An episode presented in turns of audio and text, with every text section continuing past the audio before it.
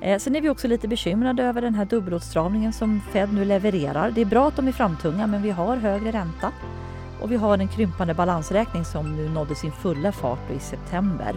Det är verktyget. Och det här är en viss motvind för aktier men också företagsobligationer.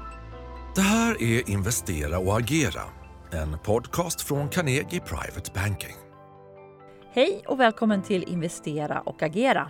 Eh, klockan är 10 och idag har vi den 8 september och du lyssnar på mig, Helena Haraldsson. Jag är omvärlds och makrostrateg här på Carnegie Private Banking. Idag så, I dagsläget har vi en hög inflation, vi har en påtaglig recessionsrisk och i eftermiddag i tvåtiden så får vi ECBs räntebesked där marknaden nu allt mer har prisat in en höjning runt 75 punkter. Idag har jag tänkt att vi ska ge er vår marknadssyn, eh, men vi ska också försöka besvara de frågor som har kommit in via vårt nyhets, nyhetsbrev som heter Veckans viktigaste. Eh, många av frågorna handlade om inflation, men det fanns också flera som handlade om centralbankerna och räntemiljön.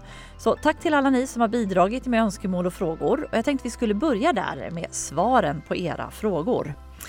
Eh, en av frågorna löd vad ska driva inflationen vidare? Eh, och då tycker jag det är intressant att flera olika studier visar att den inflation som vi nu har haft har till hela 60 procent faktiskt är efterfrågedriven och kanske bara till 40 procent orsakad av utbudsproblem eller flaskhalsar. Eh, just nu så går ju båda de här åt rätt håll då. Eh, leveransproblemen avtar, får se lite hur Kina fortsätter med sina covid-nedstängningar. Eh, men konjunkturen försvagas och vi har också sett hur vissa råvaror har fallit i pris. Nu även oljan faktiskt som är tillbaka på februarinivåerna. Det här kommer innebära att inflationen mattas inom vissa områden. Det betyder att vi kan få en inflationstopp och det kanske ganska snart, inom några månader. Men det vi är skeptiska till är hur snabbt inflationen faller tillbaka under 23. Därför att dessvärre så stiger ju energipriserna. Eh, vissa hushåll tror jag ska vara beredda på kanske minst tre gånger så höga elräkningar den här vintern jämfört med förra vintern. Och det här innebär att vi har en stagflationsrisk och det är lite det sämsta av två världar. Att man kan få svag tillväxt men fortsatt då hög inflation. Dessutom så verkar matpriserna klättra vidare. Det är flera förklaringar, men dels elkostnader men också kanske att svenska kronan gör importerad mat dyr. Eh, och det jag vill påminna om det har ju varit vårt resonemang sedan en tid tillbaka att ju längre vi har hög inflation desto större blir risken att den sprider sig in i löneökningar. Vi har en ganska het arbetsmarknad på båda sidor av Atlanten och hushållen vill ju gärna bevara sin köpkraft. Så att, att löner tillsammans med energi då blir en mer varaktigt inflationsdrivande faktor, det tycker vi är en påtaglig risk för de kommande åren. Sen hade vi en fråga som handlade om hur hur ska deglobaliseringen påverka inflationen? Och det kommer den göra. Att flytta hem produktion och ha större lager än vanligt etc. Det tror jag sannolikt kommer bli inflationsdrivande. Vi har ju sett under decennier hur globalisering då med billig produktion i Asien bland annat har hållit nere inflationen och nu reverseras den här trenden. Men det man ska påminna om det är att deglobalisering det är en långsiktig strukturell trend. Det styr inte inflationen det närmaste halvåret eller året.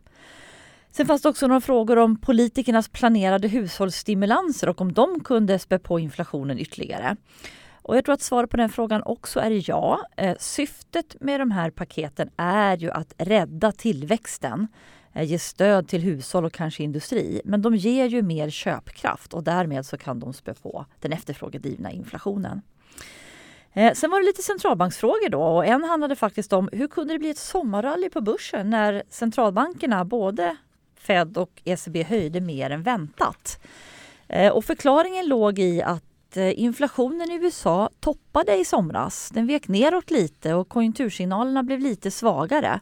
Då började marknaden genast prisa in och förvänta sig att Fed kanske skulle sänka räntan under 2023, det vill säga nästa år. Eh, nu har de haft en väldigt aggressiv hökaktig ton både Fed men också ECB. Så nu är det allt färre som tror på någon sänkning. Och vi tror det definitivt inte och har, har aldrig gjort det. Eh, vi tror att för att det ska ske då kommer det hända något värre innan så som att konjunkturen tvärnitar. Eh, sen var det någon fråga också på, tror, eh, lite förvirrat sådär, tror marknaden verkligen att Riksbanken höjer till över 3% under 2023? Eh, och då ska jag försöka klargöra det här lite. Då, att många ekonomer bedömer att Riksbanken endast, då, om man får uttrycka sig så, kommer att höja från 0,75 nu till 1,75, det vill säga 100 punkter till det här året. Och sen vidare då runt kanske 50 punkter så att vi når 2,25 i slutet av 2023. Däremot är det så att tittar vi på terminskontrakt och olika finansiella instrument på räntemarknaden då indikerar de att Riksbanken kan höja upp mot 3,25 nästa år, det vill säga ungefär en procentenhet eller 100 punkter mer då än ekonomerna.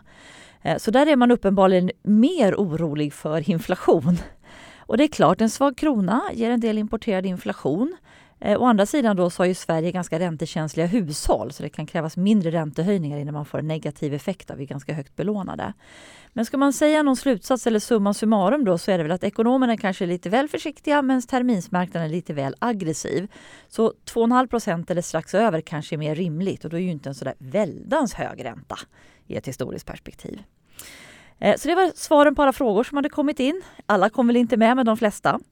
Eh, sen är det vår marknadssyn då. Hur ser den ut? Eh, vi har givit lite olika webbinarier och skrivit lite rapporter men vi tror på en seglivad inflation, kanske mer än många andra. Även om toppen nås. Vi ser en påtaglig eh, recessionsrisk globalt och vi tror att centralbankernas händer är bakbundna av hög inflation så de har svårare att komma till räddning för ekonomi och börs som de har gjort tidigare.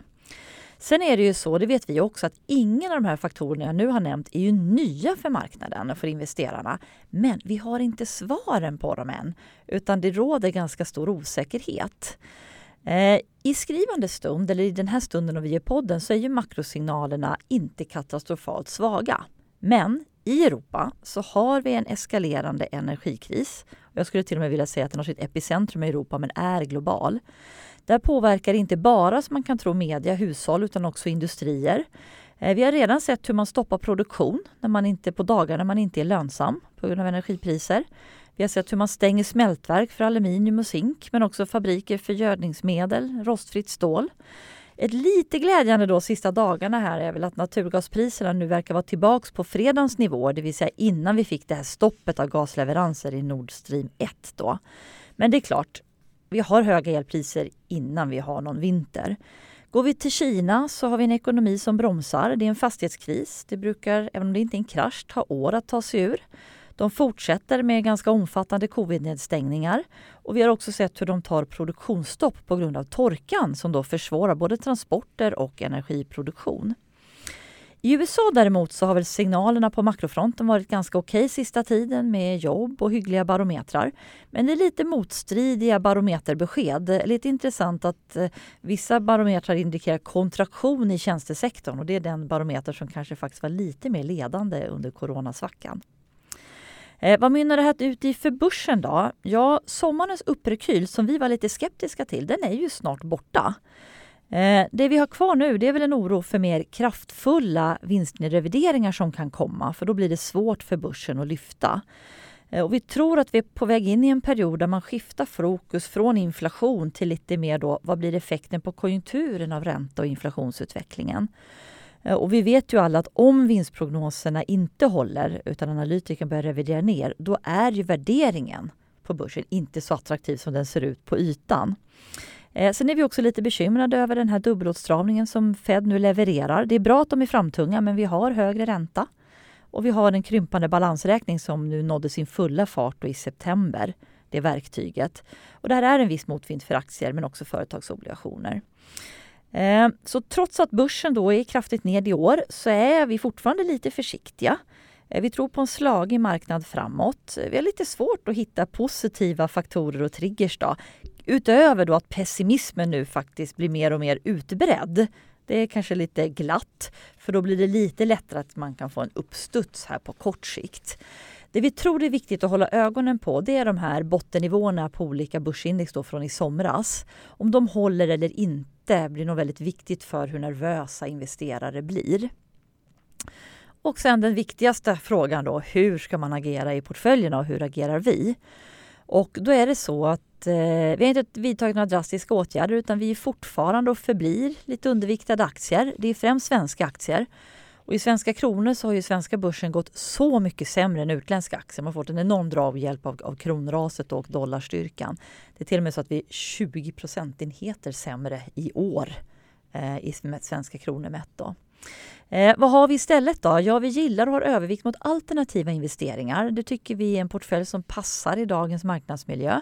För här kan vi nämligen jobba med realtillgångar och det betyder ju då fastigheter, infrastrukturtillgångar, råvaror. Men det är också ett, ett tillgångslag där man kan jobba med valutaexponeringar lite mer aktivt och strategier också som kanske gynnas av ökad slagighet på marknaden, som är vinnare på det. Eller som är vinnare i en miljö där bolag då, fler bolag behöver omstruktureringshjälp. Men det här blir lite spännande för om det här tillgångslaget och vår portfölj alternativa investeringar så kommer mina två kollegor Peter Nelson och Niklas Lindeke som är en av förvaltarna att dyka ner ännu mer i den här portföljen alternativa investeringar i nästa torsdagsavsnitt av Investera och agera. Så tills dess då, tack för att ni har lyssnat. Är du intresserad av topprankad aktieanalys och unika investeringsmöjligheter? Gå då in på carnegie.se privatebanking och lär dig mer om vad du får som private banking-kund hos oss.